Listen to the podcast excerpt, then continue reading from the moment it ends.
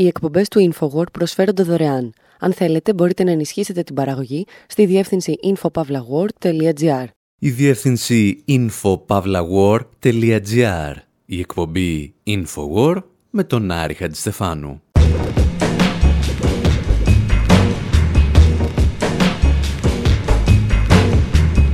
όπου σήμερα αποφασίσαμε να σας συστήσουμε 2 εκατομμύρια κατοίκους της Νέας Υόρκης, τους αρουραίους του Βόρειου και του Νότιου Μανχάταν.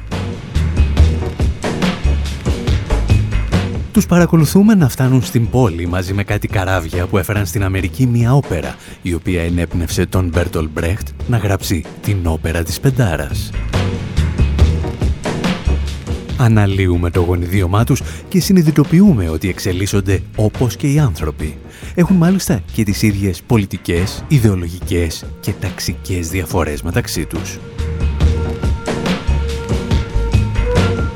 Και ύστερα αλλάζουμε εντελώς θέμα καθώς συνεχίζεται η συζήτηση για την προσπάθεια της κυβέρνησης να κρυφακούει πολιτικούς και δημοσιογράφους, θυμόμαστε μια παλιότερη ιστορία όταν προσπαθούσε να προσφέρει απόρριτα προσωπικά δεδομένα μας στην εταιρεία Palantir. Το ζητήσατε και επανερχόμαστε στο θέμα.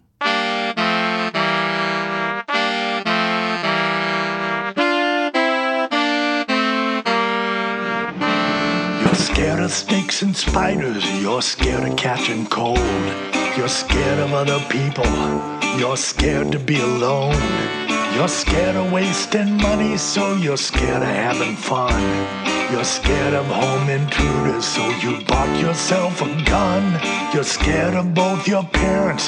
You're scared of your hometown. You're scared of staying home, and you're scared of going out. You're scared of motor vehicles and pennies on the tracks.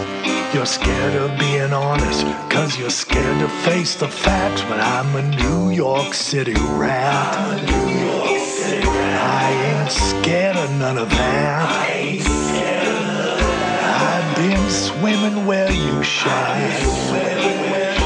I'm a New York City rat. I'm a New York City rat. Scared of all your neighbors, you're scared of petty crime. You're scared someday you'll have to say I love you for all time. You fear the day your independent bubble has to burst. Of all the things you're scared of, commitment is the worst. Cause separation smears from every corner, every turn. Every word you ever say is just a chance to crash and burn. Now I don't wanna learn the math to count the flaws of man. I wanna feel for you, but I just don't think I can, cause I'm a New York City rat. I'm a New York City rat. I ain't scared of none of that. I ain't scared of none of that. I've been swimming where you shall. I've been swimming where you shall. I'm a New York City. Ο κύριος που μας ιστορεί είναι ο Dog Coney και ελπίζουμε να το προφέρουμε σωστά. Φοβάσαι, λέει, μην μπουν διαρρήκτες στο σπίτι σου και γι' αυτό αγόρασες ένα όπλο. Φοβάσαι να μείνεις μέσα, αλλά φοβάσαι και να βγεις έξω. Φοβάσαι όλους σου τους γείτονες και τις μικροκλοπές. Ζεις την όμορφη ζωούλα σου στον ήλιο και το φως, ενώ εγώ ζω στο σκοτάδι και κάνω παρέα με τις νυχτερίδες. Γιατί εγώ είμαι ένας αρουραίος της Νέας Υόρκης.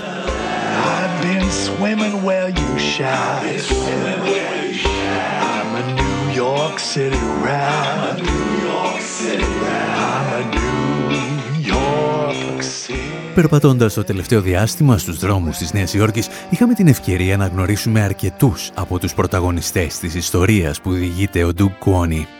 Γιατί στο μεγάλο μήλο, όπως αποκαλούν την πόλη τους οι Νεοϊορκέζοι, υπολογίζεται ότι ζουν περίπου 2 εκατομμύρια αρουραίοι.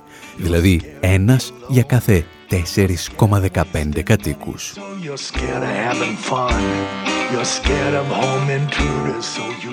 Όπως εξηγούσε βέβαια πρόσφατα το περιοδικό Nature, οι Αρουραίοι πρέπει να θεωρούνται και αυτοί κάτοικοι της Νέας Υόρκης και όπως θα δούμε, γονιδιακά συνδέονται περισσότερο με την πόλη από το μέσο Νεοϊορκέζο. Για το πώς συνέβη αυτό, θα χρειαστεί να σας ταξιδέψουμε στα μέσα του 18ου αιώνα.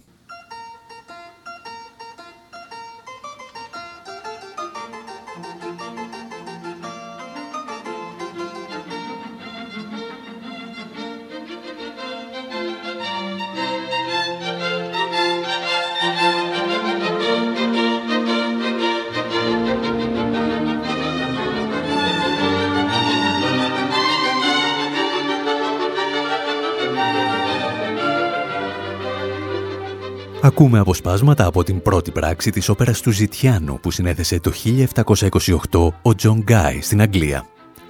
Πρόκειται για ένα από τα πρώτα έργα που θα μεταφερθούν σχεδόν αμέσως με τεράστια επιτυχία στη Νέα Υόρκη, η οποία την εποχή εκείνη αποτελούσε βρετανική αποικία. Για την ιστορία, η όπερα του Ζητιάνου είναι η βάση στην οποία δύο αιώνες αργότερα θα στηρίξει ο Μπέρτολτ Μπρέχτ το έργο του «Η όπερα της Πεντάρας». Η μουσική θα αλλάξει εντελώς χάρη και στην παρέμβαση του Κουρτ Βάιλ, αλλά η βασική ιδέα του έργου είναι πάντα η ίδια.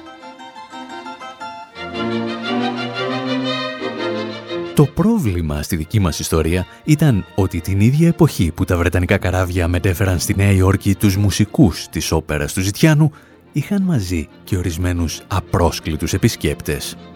Κάτι αρουραίους, να, με το συμπάθειο. Και όπως θα μας εξηγήσει τρεις αιώνες αργότερα η σειρά mini ντοκιμαντέρ Gender News, κάπως έτσι ξεκινά ο τροκτικός επικισμός του νέου κόσμου. These brown rats made their New York City debut in the mid 1700s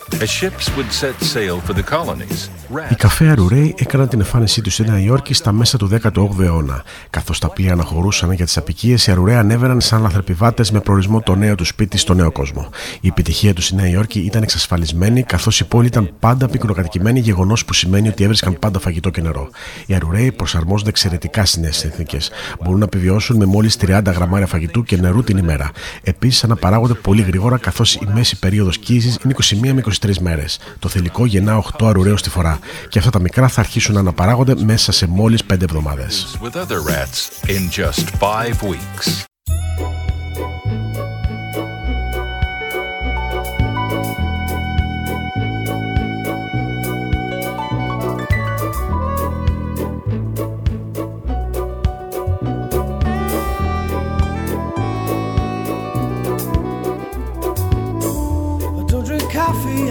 Tea, my dear.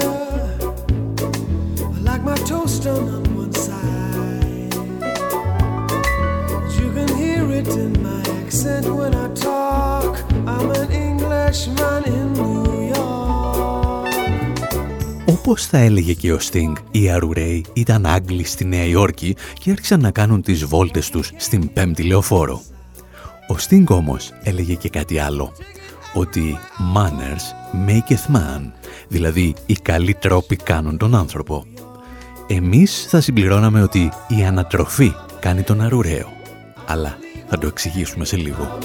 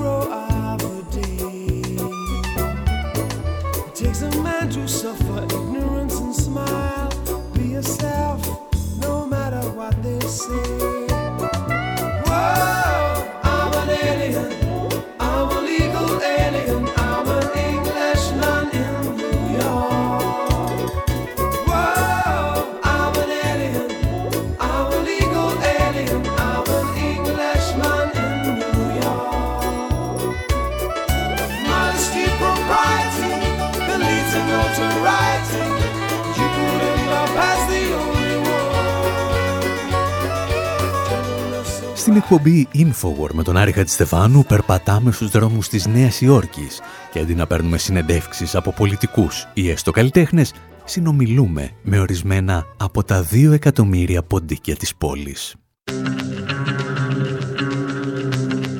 Τα δύο τελευταία χρόνια τα συνεργεία αυτοκινήτων στη Νέα Υόρκη έχουν αποκτήσει μια νέα πηγή εσόδων. Οι πελάτες τους φέρνουν όλο και περισσότερα οχήματα με ηλεκτρολογικά προβλήματα. Ανοίγοντας το καπό, οι μηχανικοί συνήθως βρίσκουν μέσα υπολείμματα από πίτσες, hot dog και άλλα τρόφιμα. Και όταν κοιτάζουν λίγο πιο προσεκτικά, βλέπουν και κάτι μικρές δαγκωματιές σε καλώδια, σε αισθητήρες και σε πλαστικές ολινώσεις. Οι δράστες του φαινομένου είναι χιλιάδες αρουραίοι, οι οποίοι μετατρέπουν τα αυτοκίνητα σε εστιατόρια και πανδοχεία, όπου μεταφέρουν και απολαμβάνουν το φαγητό τους. Το γεγονός μάλιστα ότι τα σύγχρονα αυτοκίνητα καλύπτουν τις καλωδιώσεις τους με μονοτικά υλικά που έχουν ως βάση τη σόγια, τα μετατρέπει σε πραγματική λιχουδιά. Τους πρώτους μήνες της πανδημίας οι Νεοϊορκέζοι είχαν παρατηρήσει μια μικρή κάμψη στους αριθμούς των τροκτικών. Το μορατόριουμ όμως δεν κράτησε για πολύ. Καθώς μάλιστα οι άνθρωποι και οι πηγές τροφής μειώνονταν λόγω των lockdown, οι αρουραίοι άρχισαν να κυκλοφορούν περισσότερο στους δρόμους και να αναζητούν πιο άφοβα το φαγητό τους. Όταν όμως η ζωή επανήλθε στους κανονικούς ρυθμούς, οι αρουραίοι δεν ξαναγύρισαν στις τρύπες τους.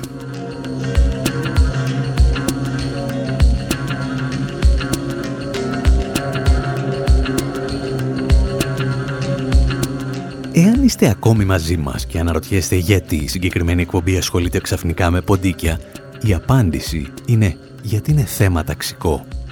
Καταρχήν, οι Αρουραίοι έχουν τη δική τους ανθρωπογεωγραφία στη Νέα Υόρκη ή αν προτιμάτε, τη δική τους πόντικογεωγραφία. Since they arrived centuries ago, rats have evolved into two distinct groups.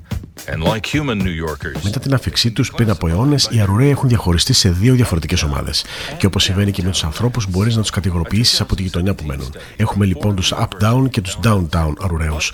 Έρευνα του 2017 από το Πανεπιστήμιο του Φόρτχαμ έδειξε ότι οι δύο ομάδες έχουν διαφοροποιηθεί και γενετικά. Διαχωρίζονται μάλιστα από ένα γεωγραφικό σύνορο, το μέσο Μανχάταν.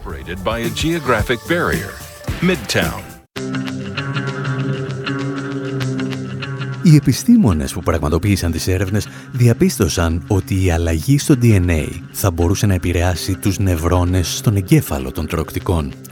Θεωρητικά δηλαδή θα μπορούσε να αλλάξει και τη συμπεριφορά τους.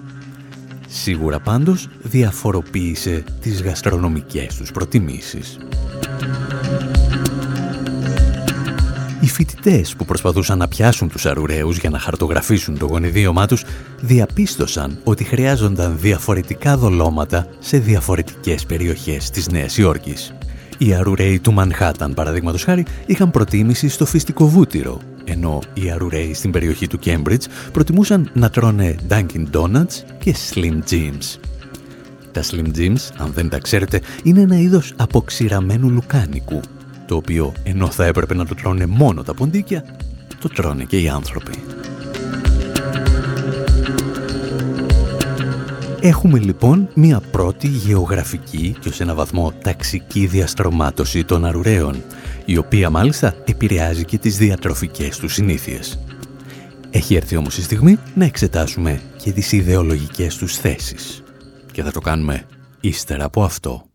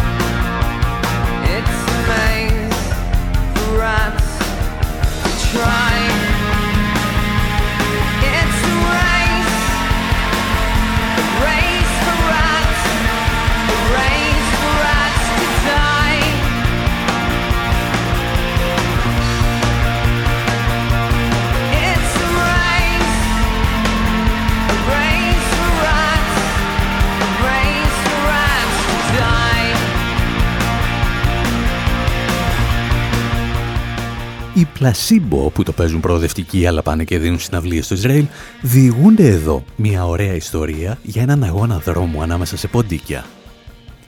Το τραγούδι αν θυμάστε έχει και μια αναφορά στη φάρμα της Μάγκη την οποία δανείζονται από τον Bob Dylan. Maggie's Farm όμως έφτασε να σημαίνει η φάρμα της Margaret Thatcher. Όλες δηλαδή οι νεοφιλελεύθερες πολιτικές της. Και οι αρουραίοι της Νέας Υόρκης είναι ακραίοι νεοφιλελεύθεροι οπαδοί του θατσερισμού. Όπως εξηγούσε πριν από μερικούς μήνες ο ακαδημαϊκός Bob Corrigan, οι Αρουραίοι λατρεύουν τις περικοπές στα προγράμματα δημοσίων δαπανών της πόλης. Και ο Κόριγκαν γνωρίζει πολύ καλά τι σκέφτονται τα ποντίκια γιατί είναι διδάκτορας τροκτολογίας. Μετάφ, από τη λέξη τροκτικό.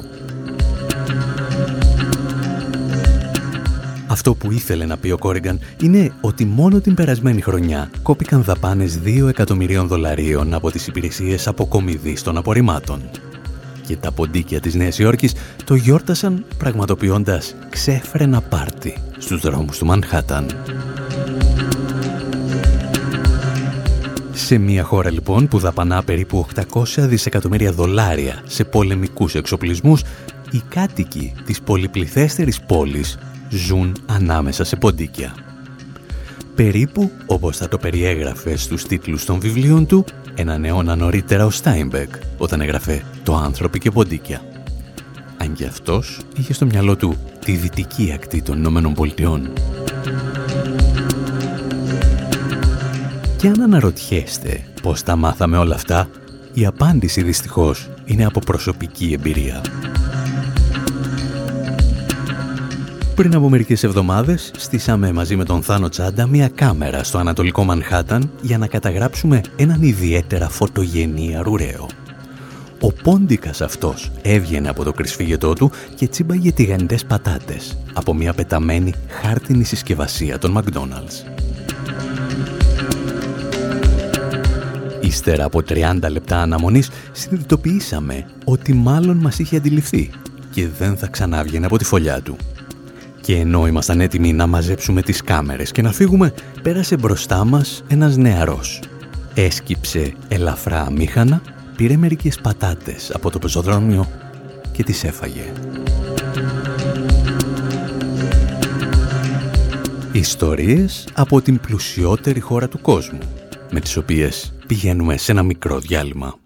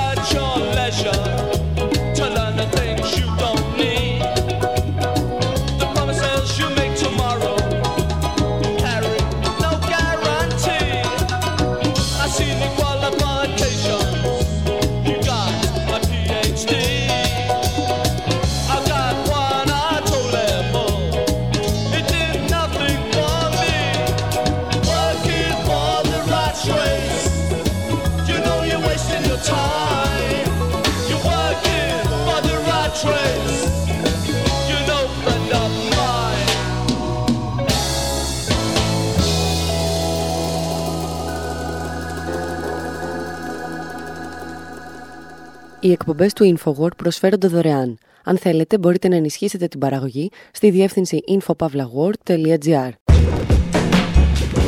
Εκπομπή InfoWord, μέρος δεύτερο. Όπου σήμερα νομίζουμε ότι εμπνεόμαστε από τον άρχοντα των δαχτυλιδιών, ενώ στην πραγματικότητα παρακολουθούμε το Minority Report παρακολουθούμε μια εταιρεία που γεννήθηκε σαν παιδί της CIA να φτάνει στο Μέγαρο Μαξίμου στα χρόνια της δυναστείας του Μητσοτάκη του δεύτερου, του Ανέμελου. Διηγούμαστε τη σκοτεινή ιστορία της εταιρείας Palantir και τις υπόγειες διαδρομές της στο χώρο της πληροφορικής, της αστυνόμευσης και των μυστικών υπηρεσιών. Και ζητάμε για όλα αυτά τη βοήθεια των ειδικών συνομιλούμε με την Ήλια Σιατίτσα από την οργάνωση Privacy International. Cuando canta llueve será que Dios se conmueve. Hace mucho tiempo que no sales de la red. Mira quien tú quieres, toca lo que se te muere. ¿Por qué me hace esto? ¿Por qué van y por qué vienen? Dile al maquinista que se paran todos los trenes. Dile que se despista, que no sabe lo que tiene. Tengo hecha una lista con todo lo que me debe. Mi voz te conquista, puede ser que te me altere. He comprado lirio sin tirso de molina.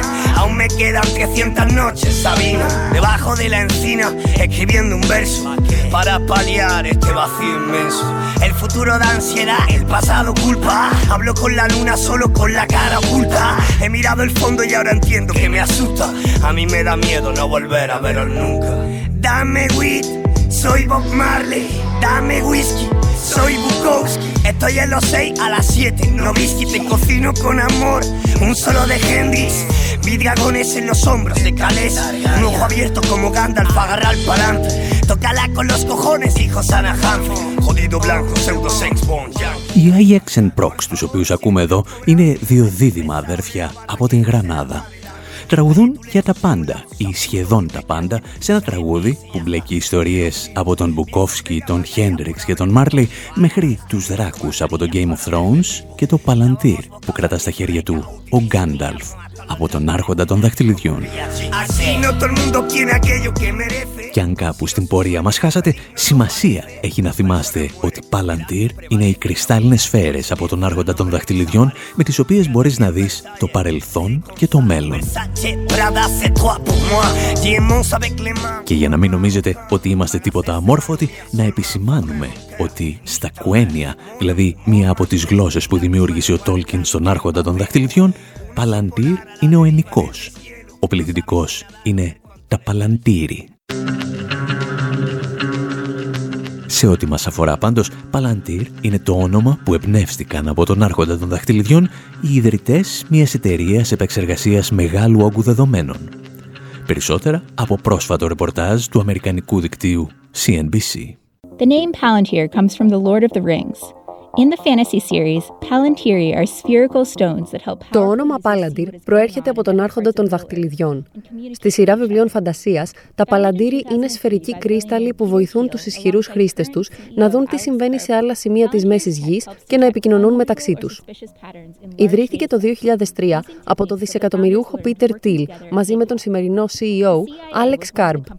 Η τεχνολογία της Palantir βοηθά να εντοπιστούν ασυνήθιστα ή ύποπτα μοτίβα σε μεγάλους όγκους δεδομένων, χρησιμοποιώντας τεχνικές που οι ιδρυτές της έμαθαν ενώ δούλευαν στην PayPal.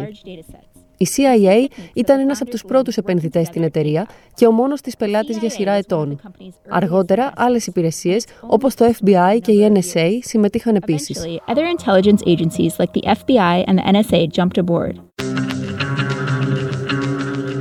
Το να έχεις τη CIA σαν μοναδικό πελάτη για κάποια χρόνια είναι τουλάχιστον ύποπτο. Το να έχεις δημιουργηθεί όμως από επενδύσεις στη CIA είναι άλλο επίπεδο. Τα εξηγούσε πρόσφατα ο Αμερικανός δημοσιογράφος και συγγραφέας Robert Sear, μιλώντας στο Real News Network. Now, the CIA is still under congressional uh, restriction not to be spying on American. Η CIA είναι υποχρεωμένη από το Κογκρέσο να μην κατασκοπεύει Αμερικανούς πολίτες. Υποτίθεται ότι μπορούν να το κάνουν μόνο έξω από τα σύνορα. Είναι το FBI που πρέπει να μας παρακολουθεί. Εν τούτη, η CIA δημιούργησε την InQtel και επένδυσε σε μια πληθώρα εταιριών της Silicon Valley.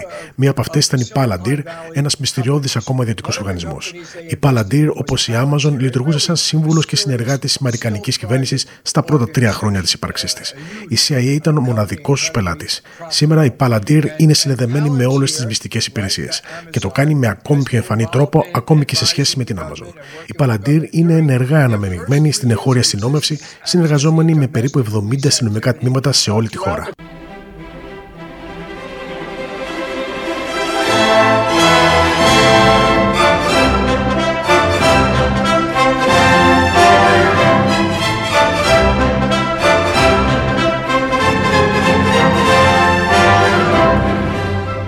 Η μουσική που ακούμε προέρχεται από την 8η Συμφωνία του Σούμπερτ, γνωστή και ως ημιτελή συμφωνία. Οι μουσικολόγοι διαφωνούν ακόμη και σήμερα γιατί ο συνθέτης δεν ολοκλήρωσε το έργο του. Κάποιοι υποστηρίζουν ότι το αμέλησε όταν άρπαξε μία σύφυλλη και κάποιοι άλλοι ότι απλώς βαρέθηκε. Το σίγουρο είναι ότι άφησε σύγχρονους και μελλοντικούς συνθέτες να μαντεύουν πώς θα ήταν το έργο αν είχε ολοκληρωθεί. Αρκετά αποσπάσματα της ημιτελούς συμφωνίας χρησιμοποιήθηκαν στην ταινία Minority Report με τον Tom Cruise. Εκεί όπου οι διοκτικές αρχές έπρεπε ουσιαστικά να μαντεύουν ποιοι άνθρωποι θα διέπραταν ένα έγκλημα και να τους συλλάβουν πριν αυτό πραγματοποιηθεί.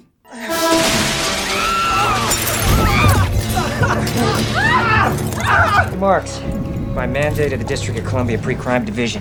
Κύριε Μάρξ, με την εξουσία που μου παρέχει η προεγκληματική μονάδα της περιφέρειας Κολούμπια, σας συλλαμβάνω για το μελλοντικό φόνο της κυρίας Μάρξ και του κυρίου Ρούμπιν, ο οποίος θα πραγματοποιούνταν σήμερα στις 8 και 4 πρώτα λεπτά προμεσημβρίας.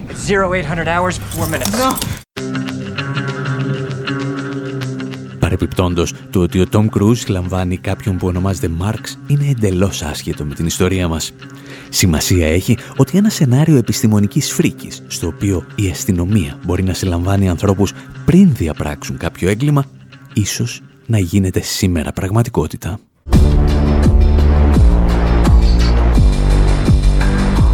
Η ταινία του Spielberg στηρίχθηκε σε ένα μυθιστόρημα με τον ίδιο τίτλο από το μακρινό 1956. Συγγραφέας του ο Philip Dick, ο οποίος επινόησε και τον όρο pre-crime, δηλαδή προέγκλημα. Η ιδέα παραπέμπει και στην αστυνομία σκέψης του Orwell. Δυστυχώς όμως δεν αφορά μόνο την μυθοπλασία, αλλά και την ψευδοεπιστήμη. Από τα μέσα του 19ου αιώνα, ο Ιταλός εγκληματολόγος Τσεζάρε Λομπρόσο υποστήριζε ότι η τάση προς το έγκλημα είναι γραμμένη στο DNA μας. Πίστευε μάλιστα ότι μπορεί να εντοπίσει έναν εγκληματία από τα χαρακτηριστικά του προσώπου του. Αργότερα στη ζωή του, ο Λομπρόσο άρχισε να πιστεύει και σε πνεύματα. Καθόταν σε στρογγυλά τραπεζάκια κάνοντας τηλεδιασκέψεις με τον άλλο κόσμο. Ήταν το WebEx της εποχής, στο οποίο διάφοροι δύσμυροι κάθονταν σε ένα τραπέζι και φώναζαν «Γιώργο, μας ακούς; Εμείς δεν σε βλέπουμε. Αν ακούς, στείλε μας κάποιο σήμα».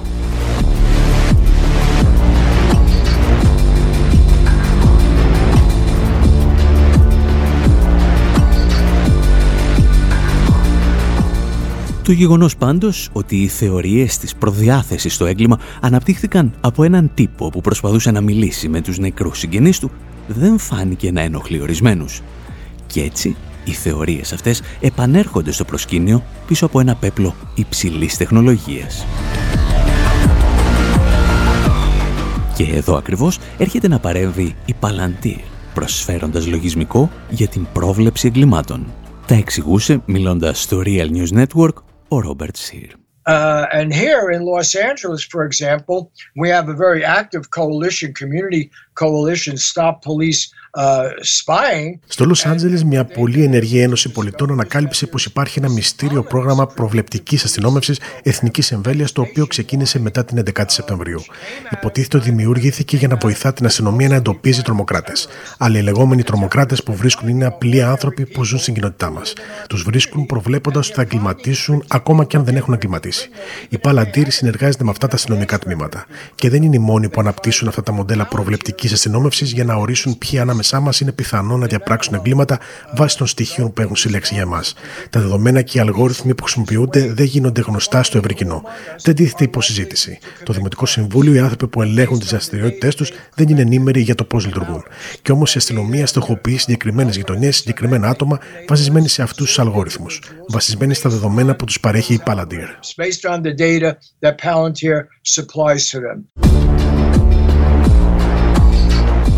Το συγκεκριμένο θέμα είχε απασχολήσει και το δίκτυο CNBC, το οποίο μάλιστα θεωρούσε ότι η τόσο στενή συνεργασία της Palantir με την αστυνομία είναι ενδεικτική της ηθικής και της ιδεολογίας των στελεχών της και κυρίως του Διευθύνοντος Συμβούλου της εταιρείας, του Alex Karp. CARP's ethos also holds true for Palantir's work with police departments from New York City to Los Angeles. Η ηθική του CARP ισχύει και για τη συνεργασία της Palantir με αστυνομικά τμήματα από τη Νέα Υόρκη μέχρι το Λος Άντζελες, τη Νέα Ορλεάνη και το Σικάγο.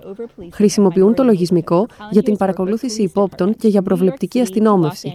Μια τακτική που οι οργανώσεις πολιτικών δικαιωμάτων λένε ότι οδηγεί σε υπεραστυνόμευση των γειτονιών όπου κατοικούν μειονότητες.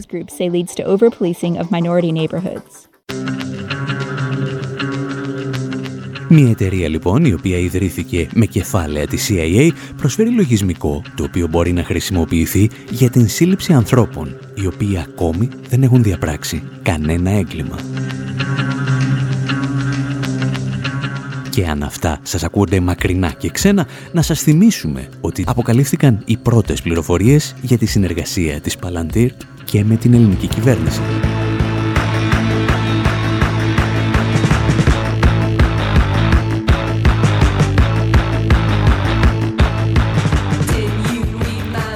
Σκέψη των περισσότερων πήγε απευθείας στην επεξεργασία μεγάλου όγκου δεδομένων σχετικά με την εξάπλωση του κορονοϊού.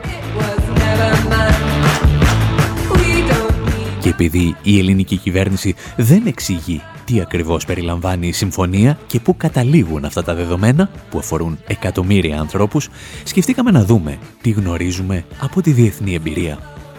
Γι' αυτό προσεγγίσαμε τη διεθνή οργάνωση Privacy International, που καταγράφει εδώ και χρόνια τις εξελίξεις στον τομέα.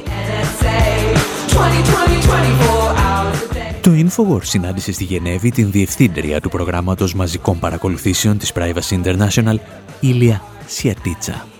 Και η πρώτη μας ερώτηση ήταν «Τι είστε εσείς» Η Privacy International είναι μια μη κερδοσκοπική οργάνωση που ιδρύθηκε το 1990 και εδρεύει στο Λονδίνο. Δουλεύουμε και εξετάζουμε κυρίως θέματα που έχουν σχέση με ανθρώπινα δικαιώματα και νέες τεχνολογίες.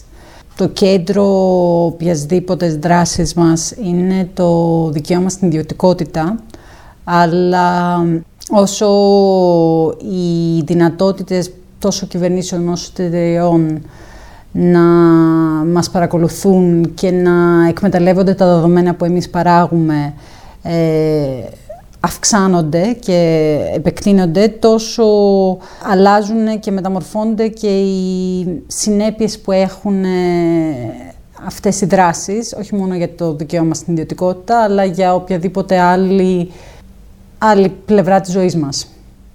Οπότε με αποτέλεσμα και οι δράσεις της οργάνωσης, ενώ στην αρχή των 90 ήταν πολύ πιο στοχευμένες σε ζητήματα ιδιωτικότητας, αυτή τη στιγμή κοιτάμε ένα πολύ ευρύτερο πεδίο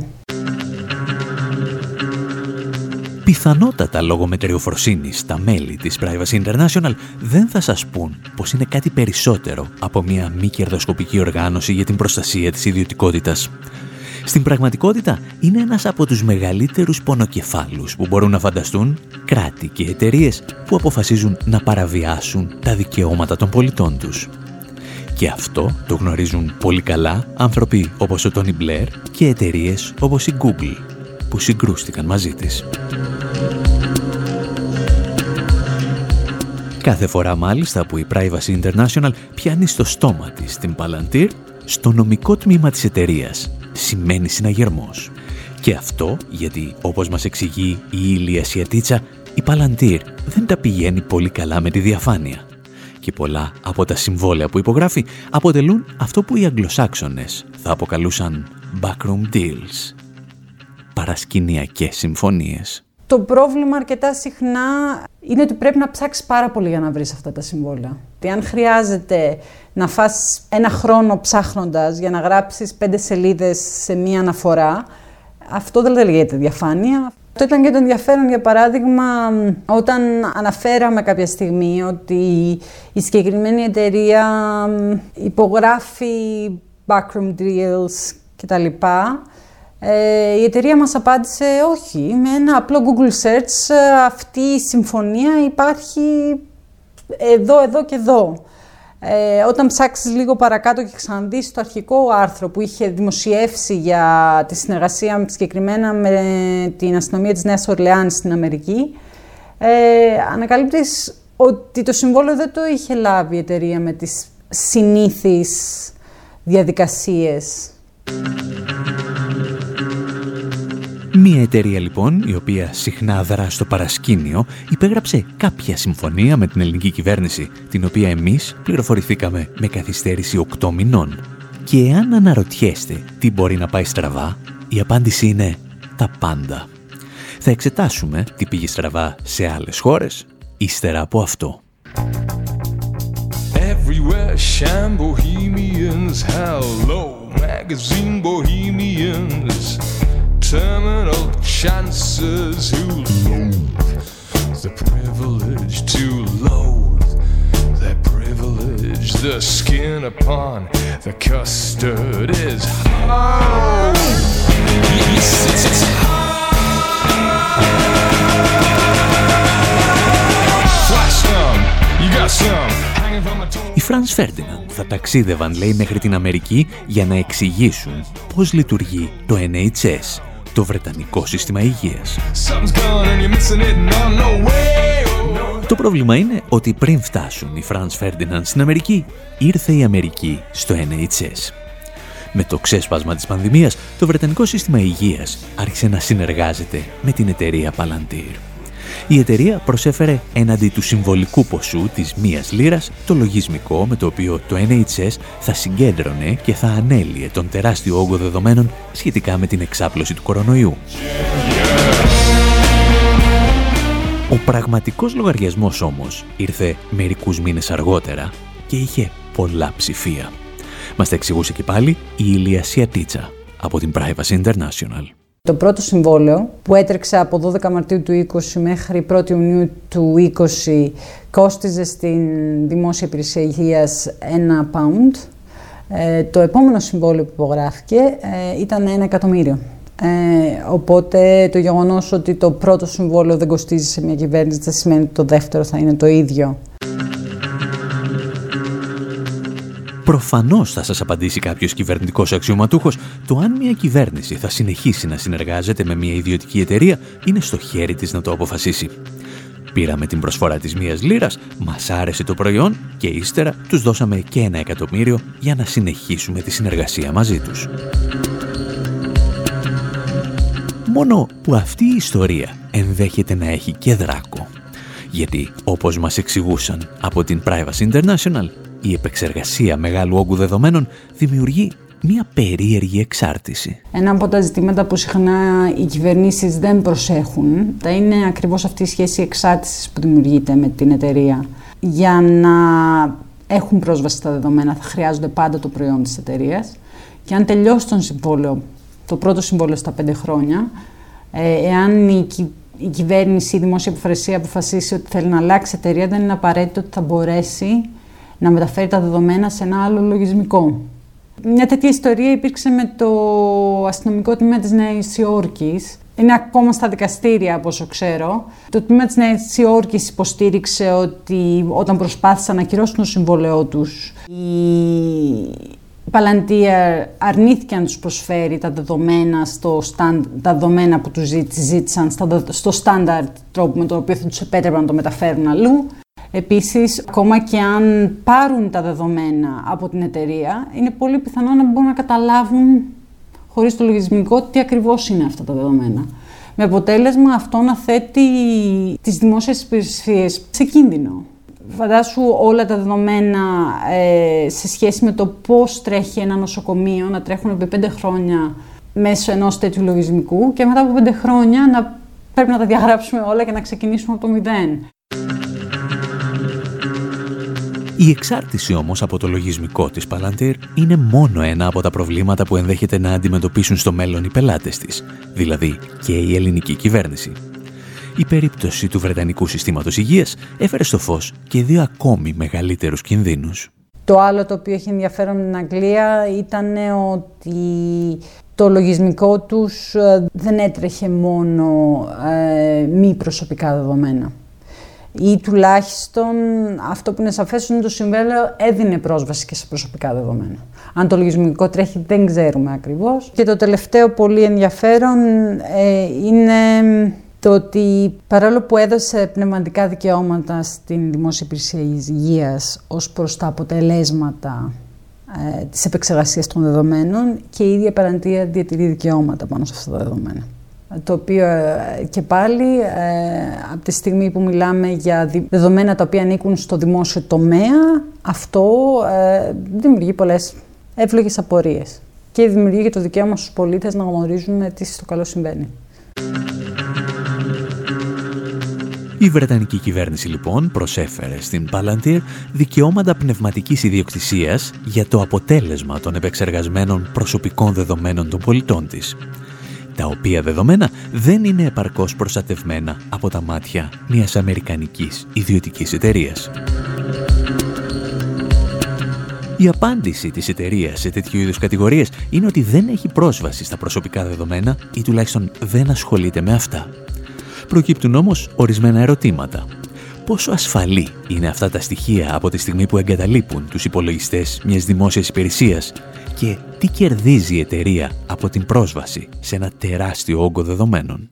Η εταιρεία θα προσφέρει το λογισμικό της και μετά τα δεδομένα θα τρέξουν μέσα από το λογισμικό. Το λογισμικό λειτουργεί μαζί με το cloud, οπότε δεν ξέρουμε αυτή τη στιγμή με ποιο τρόπο ένα λογισμικό το οποίο χρειάζεται το διαδίκτυο για να λειτουργήσει με ποιο τρόπο αυτά τα δεδομένα παραμένουν παρόλα αυτά εντός των κυβερνητικών συνόρων ε, συσσαγωγικά. Η εταιρεία υπογραμμίζει πάρα πολύ συχνά το γεγονός ότι δεν παίρνει ίδια δεδομένα, αλλά αυτό δεν σημαίνει ότι δεν έχουν κέρδος από αυτή την επεξεργασία. Γιατί το δικό τους το λογισμικό γίνεται όλο και καλύτερο όσο δεδομένα περνάνε μέσα από εκεί. Ε, το τι ακριβώς υπηρεσία παρέχει το λογισμικό είναι ένα πολύ μεγάλο μυστήριο ε, που ούτε η εταιρεία ούτε οι κυβερνήσεις έχουν ακριβώς αποκαλύψει. Και κάπου εδώ φτάνουμε ίσως στην πιο σημαντική πτυχή των σχέσεων της Palantir με κράτη σε όλο τον κόσμο. Η εμπειρία δείχνει ότι αν μια κυβέρνηση ξεκινήσει να συνεργάζεται μαζί της, ξεχνάει να σταματήσει. Και έτσι, μια ιδιωτική εταιρεία που ιδρύθηκε με κεφάλαια της CIA κάνει μετάσταση σε ολόκληρο τον κρατικό μηχανισμό. Αυτό που τουλάχιστον είδαμε πιο πρόσφατα στην Αγγλία, ε, όπου υπέγραψαν συμβόλαιο με τη Δημόσια Υπηρεσία Υγείας, Υγείας της Αγγλίας, την NHS, είναι ότι η Palantir δεν, είχε, δεν έχει συμβόλαιο μόνο με την αρχή, ε, με το Υπουργείο Υγείας, ας το πούμε, αλλά έχει επίσης συμβόλαια με το, την κυβέρνηση, το Cabinet Office, κάτω από το οποίο επίσης υπάρχει και η αρχή μετανάστευσης και το λογισμικό της Παλαντήρια τρέχει και εκεί ε, ένα, θα τρέχει και εκεί ένα κομμάτι, είναι καινούργια η συμφωνία. Επίσης ε, υπάρχουν ε, φήμες και σε κάποιες φορές, σε κάποια από τα τμήματα επιβεβαιωμένες ότι τρέχει λογισμικά σε διάφορα αστυνομικά τμήματα και το Υπουργείο Αμήνης της Αγγλίας επίσης. Όσο αρχίζεις και ψάχνεις και ρωτάς, ανακαλύπτεις όλο και περισσότερα συμβόλαια. Κάπου εδώ όμως, εμείς λέμε να σας αφήσουμε και για αυτή την εβδομάδα. Να μας θυμάστε και να μας αγαπάτε μέσα από τη σελίδα μας info.pavlawar.gr Από τον Άρη Χατζηστεφάνου στο μικρόφωνο, τον Ανδρέα Κοσιάρη και την Μυρτώ Σιμεωνίδου στην έρευνα και τις μεταφράσεις και τον Δημήτρη Σταθόπουλο στην Γενική Τεχνική Επιμέλεια. Γεια σας και χαρά σας.